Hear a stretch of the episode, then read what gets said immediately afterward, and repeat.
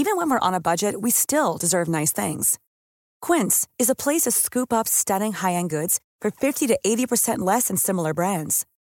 They have buttery soft cashmere sweaters starting at $50, luxurious Italian leather bags, and so much more. Plus, Quince only works with factories that use safe, ethical, and responsible manufacturing. Get the high-end goods you'll love without the high price tag with Quince. Go to quince.com/style for free shipping and 365-day returns. Ready to pop the question? The jewelers at BlueNile.com have got sparkle down to a science with beautiful lab-grown diamonds worthy of your most brilliant moments. Their lab-grown diamonds are independently graded and guaranteed identical to natural diamonds, and they're ready to ship to your door. Go to BlueNile.com and use promo code LISTEN to get $50 off your purchase of $500 or more. That's code LISTEN at BlueNile.com for $50 off. BlueNile.com code LISTEN. Since 2013, Bombas has donated over 100 million socks, underwear, and t shirts to those facing homelessness. If we counted those on air, this ad would last over 1,157 days. But if we counted the time it takes to make a donation possible, it would take just a few clicks. Because every time you make a purchase, Bombas donates an item to someone who needs it. Go to bombas.com slash ACAST and use code ACAST for 20% off your first purchase. That's bombas.com slash ACAST, code ACAST. Att hålla i det hybrida arbetslivet. Ja, de allra flesta som kan vill fortsätta jobba på distans, delvis, även efter pandemin. Mm. Och det här är en stor fråga som diskuteras mycket just nu bland både små och stora organisationer. Man planerar och agerar för att skapa förutsättningar ja, för att få både verksamheten och medarbetarna att kunna jobba bra, prestera, samarbeta med de här ganska nya förutsättningarna. Ja, det pratas mycket om ett hybrid arbetssätt. Jag tänker lite på en bil som ibland går på el och ibland på något annat drivmedel. Men jag kan tänka att kanske är ordet dynamiskt lite bättre i, i det här sammanhanget, eller vad tror du? Ja, jag retar ju mig då som jobbar med ord och språk att det går ju inte att säga, alltså man kan säga det hybrida arbetssättet, men ett hybridt arbetssätt, ja. alltså det känns liksom inte riktigt bra. Så kanske dynamiskt är bättre, men det vi menar med det är ju att det är föränderligt till sin natur och att det inte är någonting statiskt som man växlar mellan. Ja, jag tror det passar bättre för att även om vi många har jobbat på distans förut så är vi faktiskt inne i någonting helt nytt och med det kommer förstås fördelar men även utmaningar. Och några av det hybrida, dynamiska arbetssättets utmaningar, det ska vi prata om idag.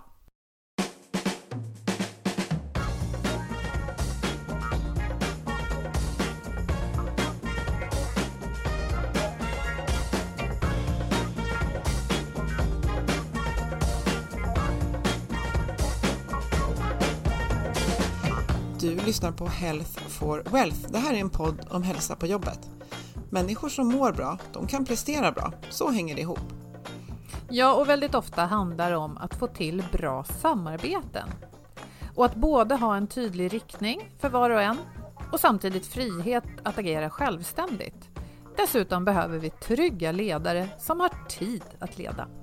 Mm, I den här podden tar vi ett helhetsgrepp på hälsan på jobbet.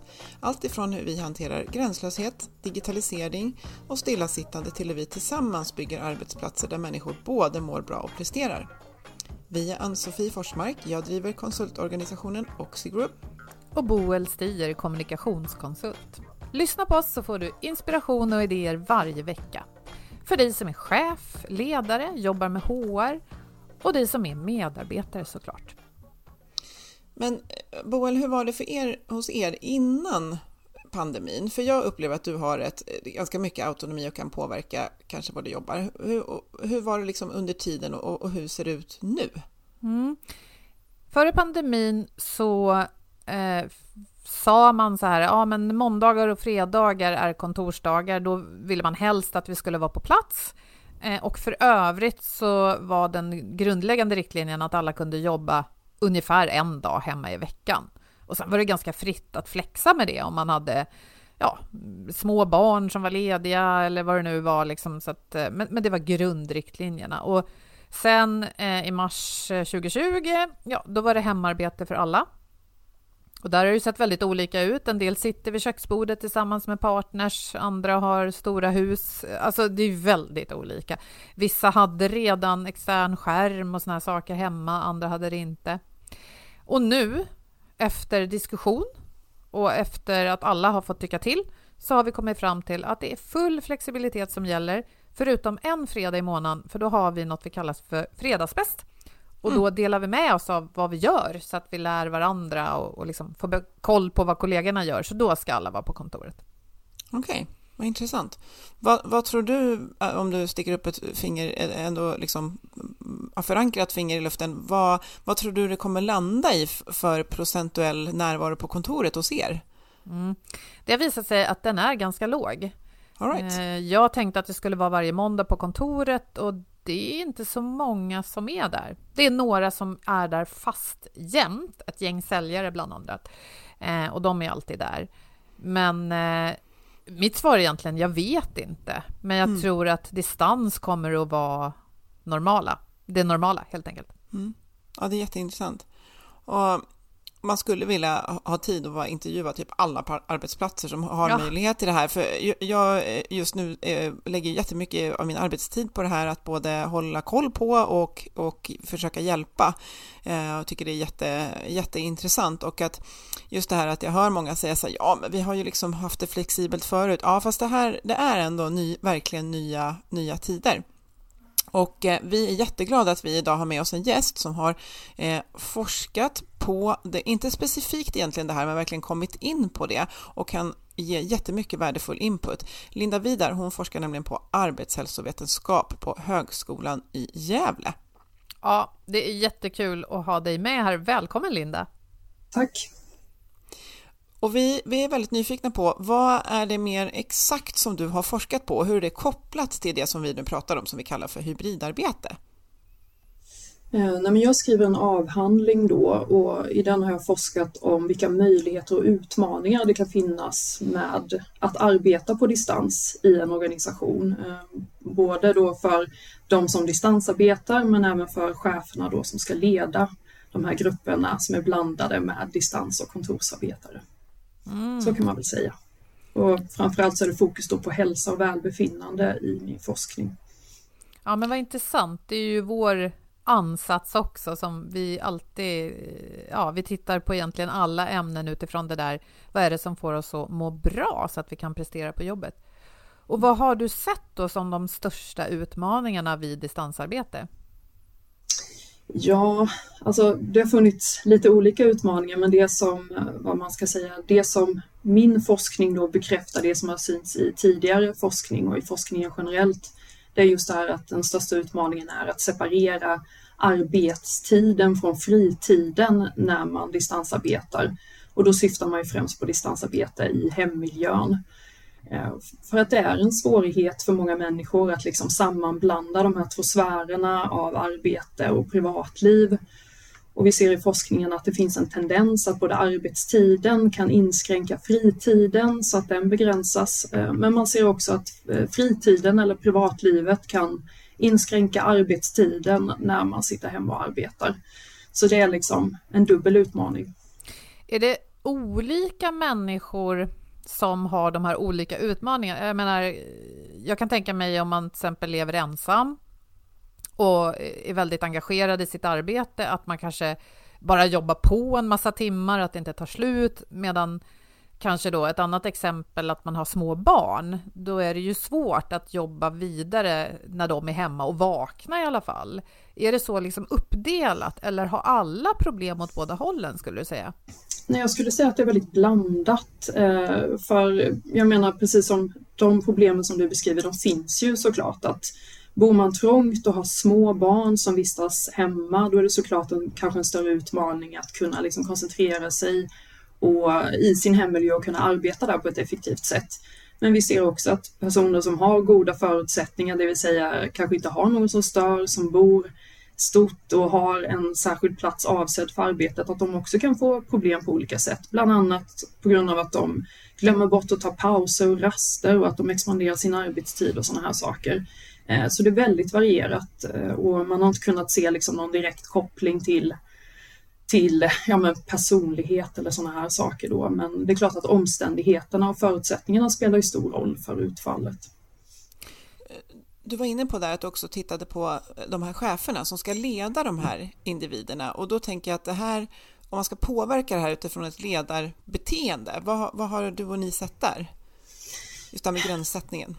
Eh, ja, alltså det man har sett, den här studien som jag har gjort just på chefer, den är eh, i, under analysstadiet nu så att där kan jag väl inte dra några större generella slutsatser men om vi tittar på forskningen i stort så ser man framför allt att det här med tydlighet är väldigt viktigt när man har medarbetare som arbetar på distans och framförallt man har blandade grupper av kontors och distansarbetare.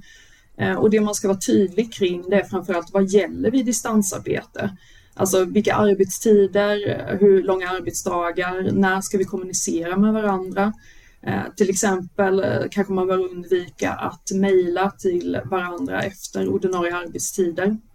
För det skulle kunna signalera liksom att man förväntas arbeta och vara tillgänglig under sådana tider. Eh, så det är sådana saker, alltså tydliga förväntningar av vad, eh, vad det här med distansarbete innebär.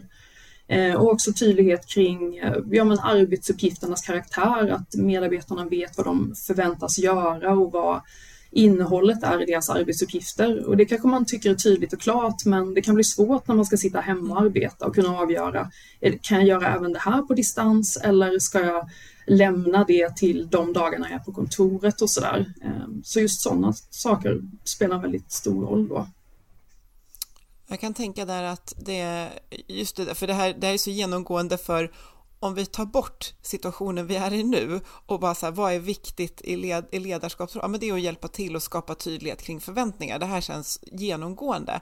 Och jag kan tänka just att där vi är nu, att man kanske är rädd, jag bara funderar här, men liksom att, att det blir det här, man vill inte micromanage som man säger på engelska, att, men vi kanske, den rädslan kanske hindrar oss just att skapa den här tydligheten som så många verkligen, verkligen behöver och vi behöver inte bara kanske ha det på papper utan verkligen få höra oss själva säga till varandra vad, vad vi förväntar. Hur, hur, tänker du kring det, kring det ni har sett? Ja, men i, i en studie som vi precis håller på att färdigställa nu och ska skicka in snart så, så ser vi just det här med du säger balansen mellan att mi vara micromanagera, eller vad man nu ska säga, ah. och liksom bara visa här, liksom, ja, omtanke med sina medarbetare och se hur de har det och vara tydlig och sådär. Eh, för i de intervjuerna så har jag eh, intervjuat medarbetare som eh, varierar då mellan kontors och distansarbete och de beskriver det just som att när chefen liksom tar upp det här med distansarbete och undersöker hur, hur man mår och hur det fungerar och beskriver vad som förväntas under det i samband med ett medarbetarsamtal, då beskriver man det som ett tecken på omtanke. Mm. Medan de som har chefer som kanske ringer kontinuerligt under distansarbetet för att kolla hur det går och sådär, de cheferna betraktas mer som kontrollerande. Så man märker liksom att sättet man visar den här omtanken eller undersöker eller vill ge direktiv, den kan också ha betydelse för hur medarbetarna tar emot liksom, eh, det här. Eh, så att det har ju en stor betydelse. Så att det gäller liksom att paketera sin omtanke och direktiven väl för att de också ska landa rätt. Kan man säga. Det vi tar med oss från det, eller det jag tar med mig är då att om man är chef, framförallt inte hålla på och ringa hela tiden, för det stör och kan upplevas som kontrollerande, men också som du säger paketera samtalen och säga att kan vi ha ett samtal här klockan tio varje torsdag där vi snackar om hur jag kan hjälpa dig kanske? Att, att det är bättre i så fall. Ja, jag tror det och jag tror också så att det kanske är viktigt som chef liksom att anpassa sättet man kommunicerar på vid distansarbete efter sättet man normalt sett kommunicerar på. Mm. För det kan ju också bli en kontrast, tänker jag, om en chef som normalt sett är ganska lös och ledig i sin kommunikation och kanske inte är så undersökande och kontrollerande när man är fysiskt på kontoret helt plötsligt börjar ha väldigt täta regelbundna samtal och uppföljningen bara för att man arbetar på distans. Då blir det ju liksom en motsättning mot vad man är van vid från den chefen. Och då kan ju den förändringen också signalera att nu är det någonting som inte är som det ska och sådär. Ehm, så just sådana saker kan ju vara värda att också tänka på. Mm. Ja, jätte, alltså det där är ju jätteintressant. Jag tänker också att vi i den moderna förväntan på ledarskap och medarbetarskap, att här kommer det också in att vi eh, att jag tänker också på det här med feedback där man ju ser att, att eh, om jag ringer upp dig som chef och säger så här nu har jag feedback till dig så är inte det det bästa sättet utan det är ju kanske att vi har ett sätt där du också kan säga att nu skulle jag vilja ha eh, feedback. Att här kan vi ju tänka som kanske jag tänker till medarbetare, att kan, skulle man själva kunna få önska lite grann hur, eh, hur man vill ha den här dialogen så gör ju det att det kanske känns mer bekvämt när man faktiskt har de här samtalen och att ja, Ja, det, här var ju, det var ju jätteintressant. Vad spännande när, det här, när den här analysen blir klar, tänker jag. Det blir väldigt värdefullt för många, tror jag, att ta del av kring det. Men hybrid arbetskultur, eller kultur, eh, hybrid, hybridt arbete då, för att krångla till det med det här märkliga, eh, svårböjda ordet hybrid. Ja, men för mig så innebär det framför allt att ibland ha de här mötena där några är på plats och några inte är det. Och det är, jag tänker det är en massa utmaningar i det och, och, vi har ju lätt att prata om teknik sådär att ja, men hör alla bra och ser alla bra. Men det är väl egentligen en hygienfaktor. Men jag tänker också så här hur man gör då. Hur, hur, kan man se till att alla runt bordet känner sig sedda när några ska tittas på på en skärm? Alltså vad har du att säga om det?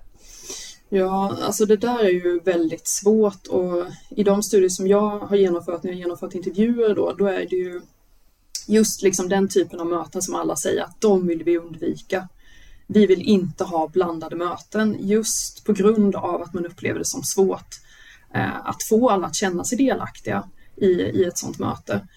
Eh, jag läste någon eh, forskare som hade skrivit ihop tips. Eh, hon eh, ja, forskar vid något universitet i USA, jag kommer inte ihåg vilket nu.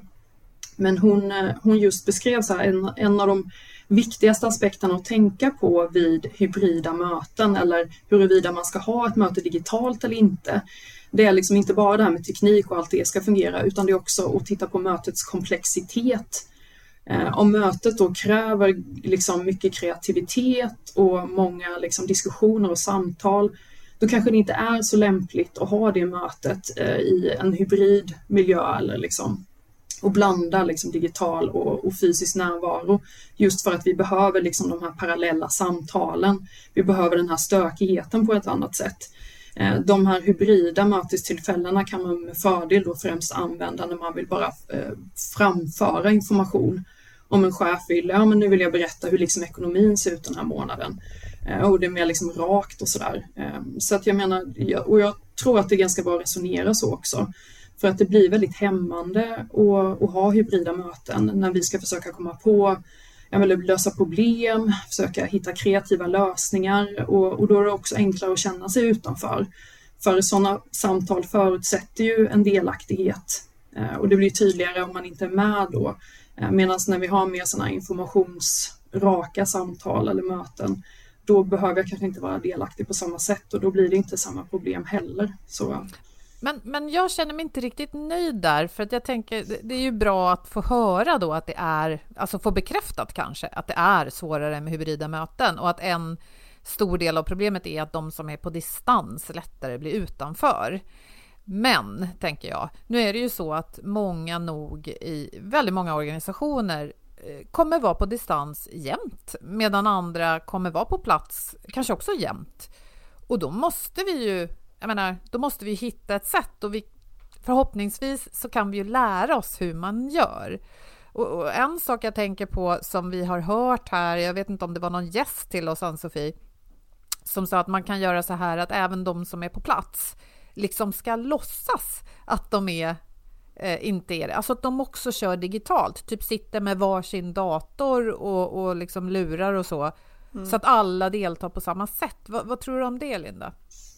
Jo, men det kan nog, kan nog vara en idé. Ehm, men just, jag tror att det absolut viktigaste är ändå att skapa sådana här liksom mötesrum där man har god ljudupptagning och där man har en stor liksom, interaktiv skärm eh, där man ser alla ordentligt. För oftast är ju det som är problemet också, att man har kanske en liten begränsad skärm där man inte kan se alla mötesdeltagare samtidigt utan det är bara vissa som poppar upp när de pratar och så vidare. Och då blir det ju också att man liksom hamnar utanför lite för de som sitter fysiskt i rummet. Om man bara ser de som är aktuella just nu så är det ju lätt att glömma bort de andra som är närvarande. Så jag tror tekniken är just om man vill öka kvaliteten där för att folk ska känna sig delaktiga, då är det nog verkligen tekniken som, som spelar in.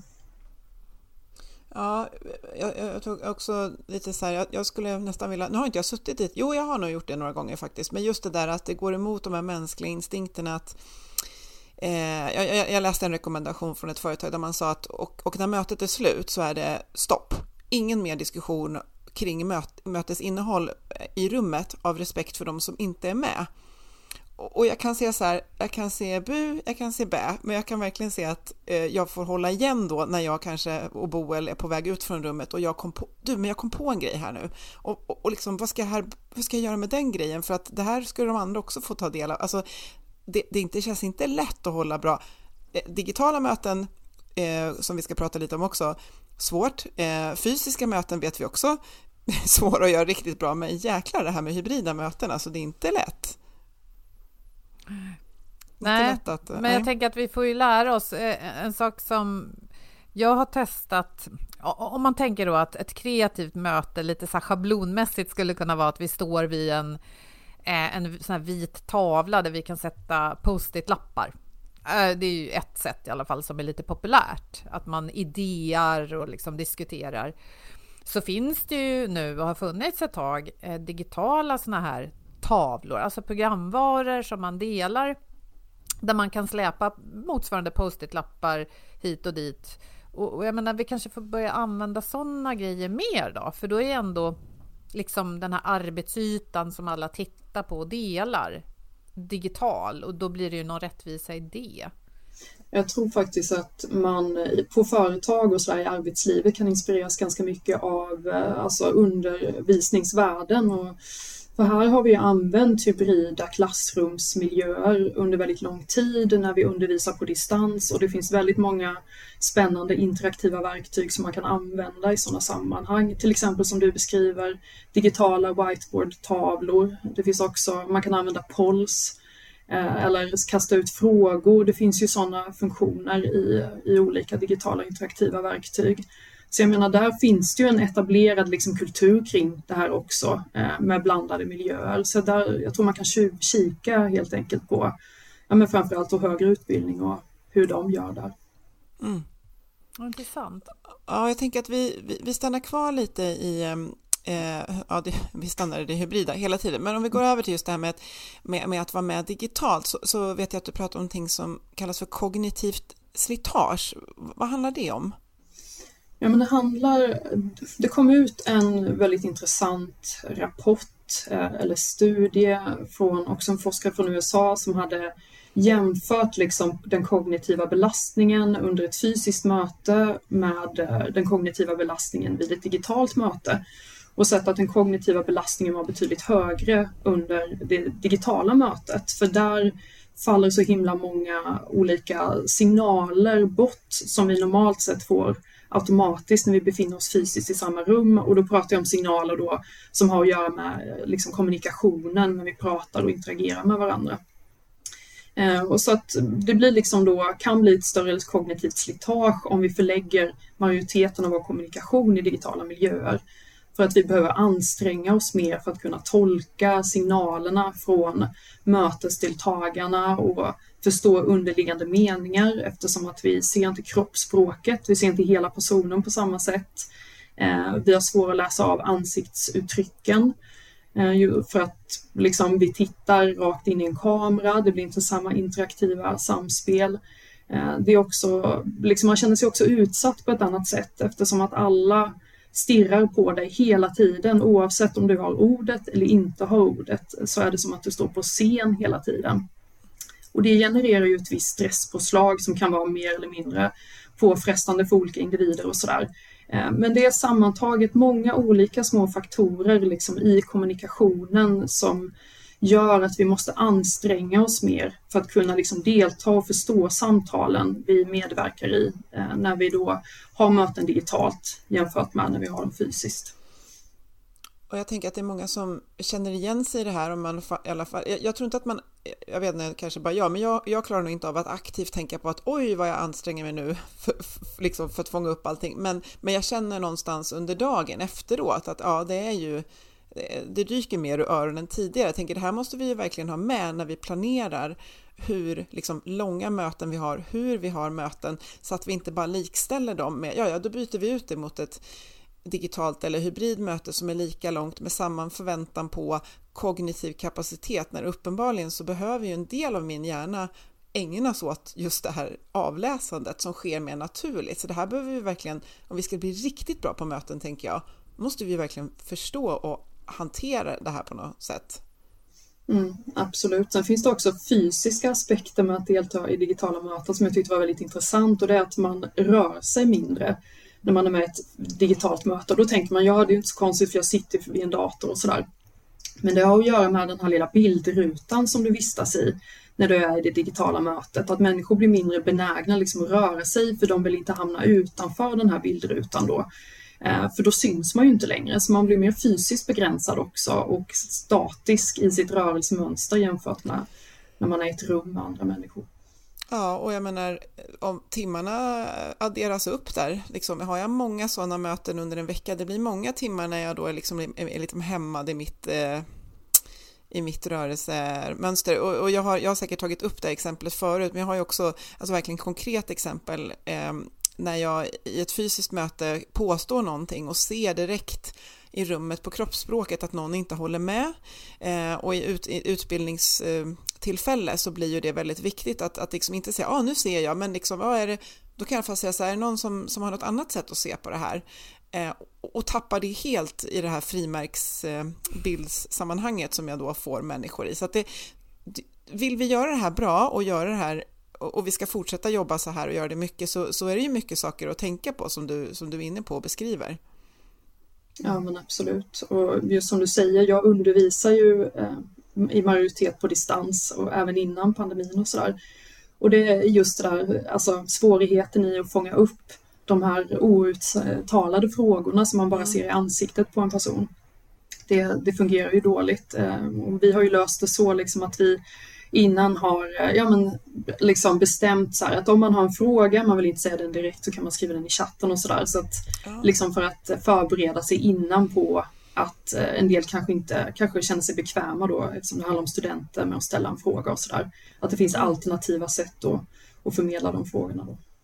Ja, mm. precis. Så, som du säger, du är inne på det här med polls och, och, använda, det finns ju Menti och många olika där man alltså håller med eller håller inte med. Där får jag vara anonym, jag får uttrycka min åsikt och som, ja, då kan man ju fånga upp det. Okej, här ser vi att många inte håller med, vad intressant. Och, ja, ja, jätte. Och eh, jag vet också att eh, om vi kommer liksom zoomar ut från mötessituationen med just det här att, att jobba på distans, att eh, splittring mellan kollegor och någonting som, alltså missnöjeskultur, och eh, också sämre förmåga till att liksom, utvecklas och avancera. Vad, vad, vad, handlar det om? För det har du också varit inne på. Ja, men just det här med missnöjeskultur och sådär, det kan bli en konsekvens av distansarbete på grund av att distansarbete kan generera nya förutsättningar på kontoret eller för de som sitter och arbetar på kontoret. Eh, någonting som jag har sett i mina studier som också ses i många andra studier det är just att vissa typer av arbetsuppgifter har en tendens att förskjutas, och, eh, eller, ja, förskjutas till de som befinner sig på kontoret på grund av att de inte går att utföra när man arbetar på distans eller mindre lämpliga att utföra på distans. Eh, och det handlar primärt om ja, men interaktiva arbetsuppgifter, alltså möten, Eh, Eh, I mitt fall, jag studerar ju akademianställda, det kan handla om eh, samtal med studenter och sådana här saker. Eh, och då gör det liksom att de arbetsuppgifterna, de lämnar man till kontorsdagar eller så lämnar man över dem till kollegor som då får en ökad belastning av den typen av arbetsuppgifter. Och det gör ju att de här kollegorna då såklart blir mer stressade och också upplever det som orättvist att de ska behöva ta ett större lass i den frågan liksom. Och då kan man få en delning där och ett missnöje och att det kan uppstå konflikter i en sån situation. Eh, men sen så ser vi också att just det här med vad distansarbete, alltså vad möjligheten att distansarbeta signalerar i ett företag, att det kan bidra till delningar. Till exempel om distansarbete är en möjlighet som endast ges till de som har uppnått eh, vissa vissa krav eller presterar på ett visst sätt och tillräckligt bra, då kan det ju bli liksom en, eh, en kvalitetsindikator och då blir det som att ja, men det är bara de som är tillräckligt bra som får lov att distansarbeta. Mm. Medan de andra får inte göra det och vara på kontoret. Och då kan det också bli delning liksom. Eller att vissa yrkeskategorier får lov att arbeta på distans medan andra inte får det. Eh, det kan nästan bli som en klassfråga då Eh, som gör att det blir sån här eh, som man brukar benämna det som nu för tiden A och B-lag då på arbetsplatsen. Mm. Och sen så det här med att man upplever att man får sämre möjligheter till att ja, men avancera eller att man får sämre löneutveckling. Det handlar väldigt mycket om att man känner sig utanför arbetets sammanhang, att man inte känner sig sedd av sin chef. Eh, och man ser också i studier med chefer, även om de är få, att man upplever liksom svårigheter att identifiera liksom sina medarbetare som arbetar på distans, deras utveckling och deras prestationer för att man möter inte dem. Man har inte lika många spontana samtal Eh, och det kanske främst är genom dem som man faktiskt liksom eh, märker utvecklingen hos någon. Och det kan göra att man glömmer bort de medarbetarna när man sen liksom ska ja, liksom sätta lönerna eller erbjuda en ny position och sådär. Så att det är liksom sådana saker som, som det där då kan ligga bakom. Så det låter som att hur man än gör och vad man än jobbar med så behöver åtminstone alla chefer fundera på det här hur uppdelningen blir, för den kan ju bygga på full flexibilitet. Mm. Men då kan det ändå finnas fallgropar både för de som är mycket där och de som är mycket här. Och, och, om det inte bygger på flexibilitet, ja men då handlar det ju om att försöka mjuka upp det här så att man inte ser sig som liksom hänvisad till en, en ett B-lag som du säger Linda. Då. Det, det, känns ju tufft att vara chef då om man måste ha människor som är mycket på distans och andra som är mycket på plats. Eh, att få ihop helheten helt enkelt. Ja, jag tror att det har blivit extra tydligt nu under pandemin att chef, att det är liksom, vi har varit väldigt mycket fokuserade på förutsättningarna för de som arbetar på distans eller de som är kvar på kontoret. Men under pandemin så tror jag det blev extra tydligt för alla att det är enorma utmaningar för de som ska leda arbetet och få ihop en arbetsgrupp som är splittrad i tid och rum. Liksom. Eh, och, och, där behöver vi ju verkligen också se till vilka förutsättningar har de chefer som ska leda de här grupperna. Eh, för jag menar, det är ju där någonstans det börjar. Chefer måste ha rätt förutsättningar att kunna ge sina medarbetare vad de behöver för att det ska fungera. Eh, vi kan inte börja kräva massa av den positionen innan de har förutsättningar att kunna ge det som krävs. Det är ju väldigt viktigt att ha med sig.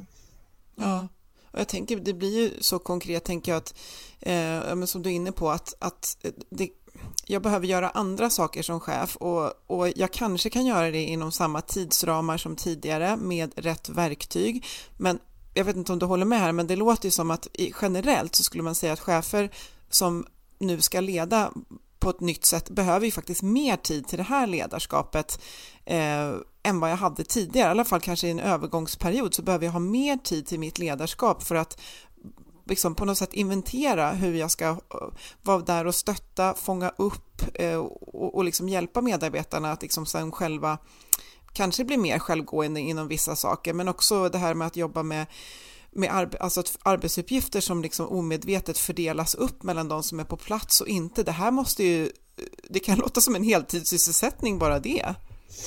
Ja, i den senaste studien som vi har gjort då med chefer, där jämför vi ju deras upplevelse av att leda på distans innan pandemin med deras upplevelse av att leda på distans under pandemin. Och då beskriver de ju just den här liksom övergångsperioden innan, även om de här var erfarna av att ja, men leda blandade grupper av distansarbetare, ehm, så var de inte vana vid att göra det i så här, ha en sån här stor omfattning av medarbetare som arbetade på distans.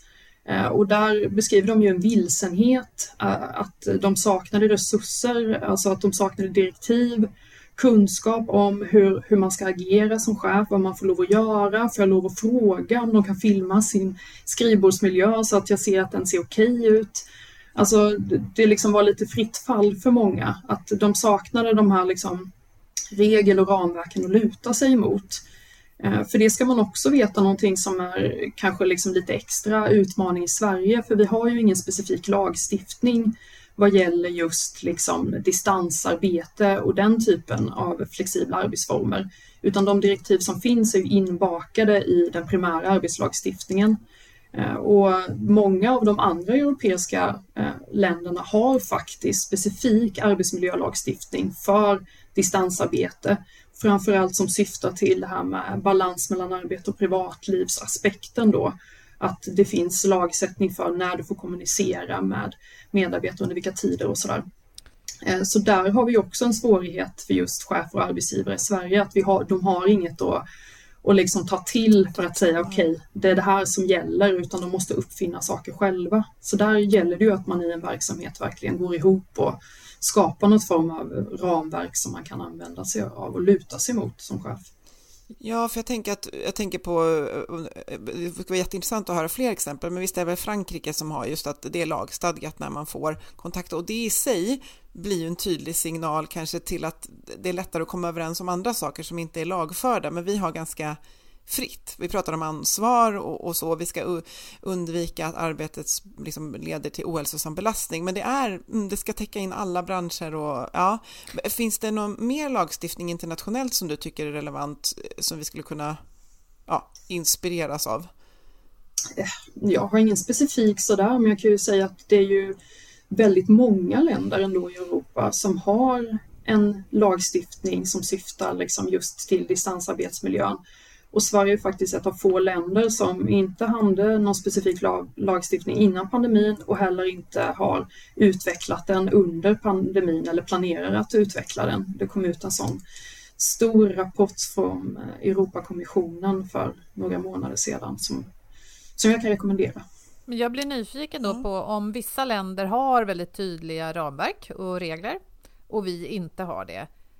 Känner du till, Linda, ifall de länder som har tydliga ramverk har klarat övergången kanske till pandemin och nu till ett hybridarbetssätt bättre? Eller? Nej, jag har inte sett några sådana liksom, utvärderingar av, av det på något sätt, så det, det, har, det har svårt att svara på. Men jag kan ju tänka mig att just för chefer har det kanske varit enklare att strukturera och hantera liksom, arbetet Eh, Eh, men just utfallet för medarbetarna, det tror jag faktiskt eh, ser ungefär samma ut kanske. Ja, men för är man inte en jättestor arbetsgrupp, eh, alltså om en chef inte har allt för många att leda, då kan man ju faktiskt ändå prata om det. Då kan man ju ställa frågan, hur vill du att jag leder nu när vi inte ses på riktigt så ofta? Och, ja, så. Men det, jag kan ju tänka mig att problemen ökar ju större organisationen är och eh, ju mer komplext kanske eh, arbetet är. Ja, också erfarenheten av ja, men användningen av digitala verktyg och, och, att arbeta på distans, den ser också väldigt olika ut och det ser man ju i, i de här utvärderande rapporterna efter ja, men hemarbetet under pandemin. Att den största liksom, faktorn som har spelat in vad gäller om distansarbetet ett positivt eller negativt utfall, det är just det här med digital kompetens och erfarenhet av att förlägga arbetet hemma. Men om mm. vi bara summerar lite så här långt, så något du sa i början där Linda, för chefen då att paketera sin kommunikation är viktigt så att medarbetaren vet vad hen ska förvänta sig och när man ska ha dialogen med cheferna om vad eh, är viktigt. Och sen den här utmaningen kring, kring hybrida möten, där känns det som att vi gemensamt i hela eh, världen eh, liksom lär oss samtidigt nu, så vi får väl se vad det ger då. Men att försöka att göra det så rättvist som möjligt och att, så, att alla ska känna sig delaktiga är också... Eh, ja, att man ägnar lite tanke åt det. Och slutligen det här som du var inne på, att det kan bli A och B-lag på olika sätt. Att det behöver man ha i åtanke. Och där kanske inte bara att vi ska lägga allt ansvar på cheferna, utan att som medarbetare kan man också ta upp samtal och säga att jag ser det här, vad ska vi göra? Eller jag har ett förslag. Mm. Man får ändå ha med sig, tänker jag, att grunden till allt förändringsarbete är att uppnå en gemensam förståelse kring det man vill förändra. Eh, och det bör man göra här också, att förankra liksom idéerna om vad det här med distansarbete ska användas till, vad det ska vara i vår organisation, liksom på alla nivåer. Eh, för har man en gemensam förståelse så är det också enklare liksom att acceptera förutsättningar och kunna arbeta liksom mot dem på ett bra sätt. Mm. Jag tänker, för nu om, om man har lyssnat ut och man säger oj, oj, vi måste, oj, oj, det är mycket vi ska tänka på, men, och det är svårt att liksom punkta ner i så rekommendationer, men, men utifrån, nu har du, du verkligen eh, både djupdykt och breddat i det här, vad, vad, vad är liksom, så här, om du skulle vilja göra några medskick till några, för jag vet att många av företag och organisationer just nu eh, är mer eller mindre så att säga, långt gångna i att skapa struktur och stöd och verktyg för ett hybrid arbetssätt. Vad är det man inte, vad är det man kanske lätt missar att faktiskt ta med och, och jobba med kring den här gemensamma förståelsen? Nej, men jag tror att alltså, det jag har upplevt nu liksom, efter pandemin det är att man har haft en väldigt stor brådska liksom, att bara, ja men nu ska vi bestämma oss för hur det ska vara. Eh, jag tror att det är väldigt viktigt att man avvaktar lite och känner in och också utvärderar hur har man upplevt det här? Alltså vad tycker medarbetarna? Vilka behov har funnits? Vilka brister har funnits? Alltså att man utvärderar liksom sammanhanget innan man tar ett beslut för hur det ska bli. Och att man, när man sedan tar beslutet liksom också se till att det är liksom gemensamt eller att alla förstår varför det tas snarare. Eh, jag tror att det är ett misstag att gå ut i förväg och säga att nej, nu ska vi inte ha distans lika mycket längre. Eller nej, nu ska vi ha mycket mer distans framöver. För att när man går ut med ett sånt statiskt liksom, ställningstagande, då skapar det onödig oro eh, hos medarbetarna eh, som gör kanske att de liksom bygger upp ett motstånd mot förändringen hur den än blir. Eh, jag har till exempel när jag medverkat i olika radioprogram fått mejl från oroliga medarbetare liksom som skriver att eh, ja men min chef, nu säger de att de inte ska ha distans längre, jag får jättemycket ångest av det för att det har funkat jättebra för mig. Eh, och då har man liksom gått lite över huvudet över sina medarbetare. Så att känn efter och lyssna in innan man går ut med liksom och säger att så här kör vi nu. För då sparar man mycket tid och möda tror jag.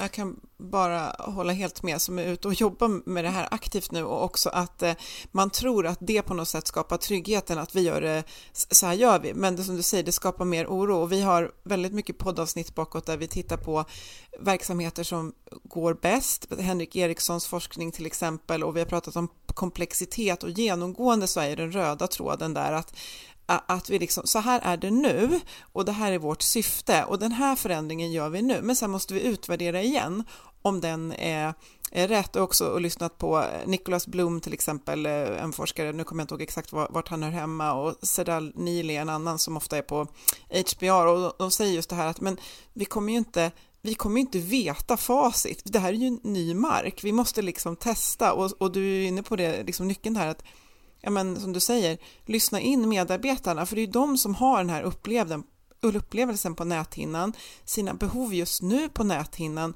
och som du säger, om du får mejl med från oroliga lyssnare, då, då har vi ju verkligen ett, ett budskap där att lyssna in vad behöver vi, vi, vi just nu? Och sen tänker jag att när din avhandling blir klar, det blir ju superintressant, för vilken spännande tid att forska på det här och just när datainsamlingen har skett, det är ju väldigt eh, Väldigt intressant. Ja, och jag, jag, hör också i din sammanfattning där, Sofie, att det finns ju ett inbyggt dilemma för de som styr och ska fatta beslut. Att ge individen utrymme och handlingsfrihet, men ändå faktiskt eh, servera lite tydlighet. Men då kan man ju tänka så här att tydlighet nu, eh, på så här lång sikt, verktyg och struktur för hur vi gör det på bästa sätt. Och sen att liksom hålla öppet, att låta oss diskutera det här och låta oss lära tillsammans. Där borde man ju kunna hitta en bra mellanväg, tycker jag. Håller du med om det, Linda? Ja, nej men precis. Jag tror också det är viktigt att signalera hänsyn. Att så här, precis som ni säger, så här tänker vi nu, men vi är också öppna för liksom att ta in ja, men titta på liksom hur, hur ni mår och hur det går för er och utveckla därefter. Liksom. Mm. Mm. Du bor i Malmö, eller hur? Ja. Men du hör också till Högskolan i Gävle och det är ju en viss distans, apropå det, mm. mellan de två orterna. Hur, liksom, hur har du fått det att funka med just distansarbete? Ja, det är en bra fråga. Nej men eh, alltså innan, jag distansarbetade ju mycket innan pandemin också. Jag har arbetat på Högskolan i Gävle i fem år snart eh, och jag har en övernattningslägenhet här som jag vistas i och innan pandemin så var jag här två veckor i månaden ungefär och arbetade på distans. Eh, och under pandemin så var jag ju hemma i ja, men över ett år, bara satt hemma. Eh, och jag skulle vilja säga att jag tyckte det var otroligt svårt att få till liksom den här balansen mellan arbete och fritid. Och jag tycker fortfarande att det är ganska svårt, eh, även om jag bor relativt stort. Jag har ett särskilt rum avsett för mitt arbete och jag har inga små barn som, som liksom kan störa mitt arbete och är hemma och sådär. Så, så är det ändå väldigt svårt rent psykologiskt för min del att koppla bort tankarna. För varje gång jag går förbi mitt kontorsrum, då påminns jag om någonting med jobbet. Och sen så handlar ju hela mitt arbete om distans. Eh, så jag menar, jag har arbetat på distans, jag har forskat om distans och jag pratar väldigt ofta om distans. Eh, så det kanske är en särskilt stor utmaning för mig liksom att få till det här, den här balansen. Men, eh, men jag tycker att det är jättesvårt. Just liksom med det psykologiska då, att kunna koppla av och koppla bort arbetet mentalt. Det, det är en stor utmaning. Mm. Och vad jag använder du? Förlåt. Ja. Nej, jag, jag, tänker att det där är verkligen någonting att ta med sig som, som jag vet inte, tröst, inspiration, men att, men att det, det är så här vi, vi är och det, det, betyder inte att det inte finns någon lösning, men det betyder att det är någonting som vi, det kommer inte av sig självt eh, ofta, utan vi behöver faktiskt jobba med det och som du säger, du har all kompetens och expertis kring det, och vet om det verkligen hela tiden. Men ändå så är det en utmaning och då kan vi tänka att ja, men då, det är ett medskick tänker jag, att det här, det här kan vi inte bara eh, låta vara, utan vi behöver faktiskt ta hand om det, för det är viktigt. Och du tog ju upp det i början som största utmaningen, gränssättningen. Så, så den behöver vi hitta ett förhållningssätt till. Absolut. Förlåt Boel. Ja. Mm. Ingen fara. Nej, men eh, jättebra summering att det här är någonting som vi gemensamt behöver lära oss. Det kommer att fortsätta vara unikt för varje individ, vad man har för förutsättningar, behov och önskemål. Eh, det kommer fortsätta vara en utmaning för stora företag och chefer att fatta beslut som får det att funka för alla. Men om vi tänker oss att vi lär oss tillsammans så tycker i alla fall jag att det känns både roligare och bättre så eh, tusen tack för att du ville vara med oss idag, Linda, digitalt och prata mm. om det här. Mm. Eh, och det blir spännande, ja, det blir spännande mm. att följa vad, vad din forskning leder till. Och, eh, ja, vi kommer säkert att få höra det. Du har ju varit i lite olika radioprogram och så, där vi har snappat upp dig, så vi kan säkert få höra din röst på lite fler ställen framöver. Mm. mm. Tack. Tack snälla.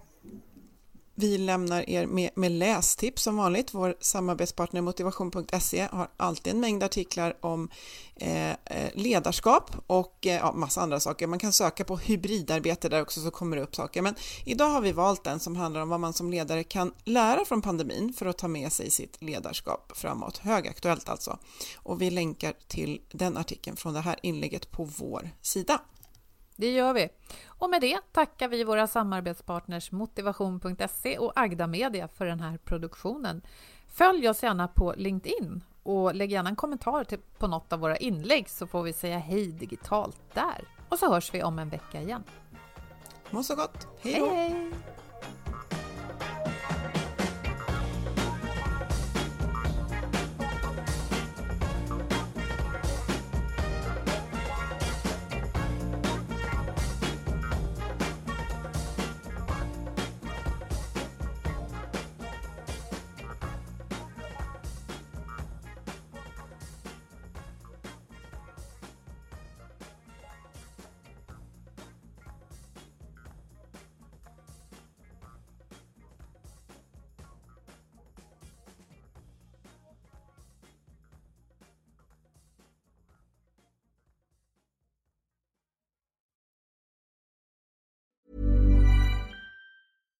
Hi, I'm Daniel, founder of Pretty Litter. Cats and cat owners deserve better than any old-fashioned litter. That's why I teamed up with scientists and veterinarians to create Pretty Litter. Its innovative crystal formula has superior odor control and weighs up to 80% less than clay litter. Pretty Litter even monitors health by changing colors to help detect early signs of potential illness. It's the world's smartest kitty litter.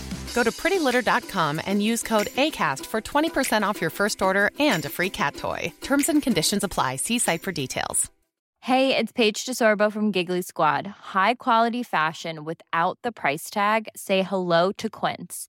I'm snagging high-end essentials like cozy cashmere sweaters, sleek leather jackets, fine jewelry, and so much more. With Quince being 50 to 80% less than similar brands. And they partner with factories that prioritize safe, ethical, and responsible manufacturing. I love that. Luxury quality within reach. Go to quince.com slash style to get free shipping and 365 day returns on your next order. Quince.com slash style. Imagine the softest sheets you've ever felt. Now imagine them getting even softer over time. That's what you'll feel with Bowl and Branch's organic cotton sheets. In a recent customer survey, 96% replied that Bowl and Branch sheets get softer with every wash. Start getting your best night's sleep in these sheets that get softer and softer for years to come. Try their sheets with a 30-night guarantee. Plus, get 15% off your first order at bowlandbranch.com. Code BUTTERY. Exclusions apply. See site for details.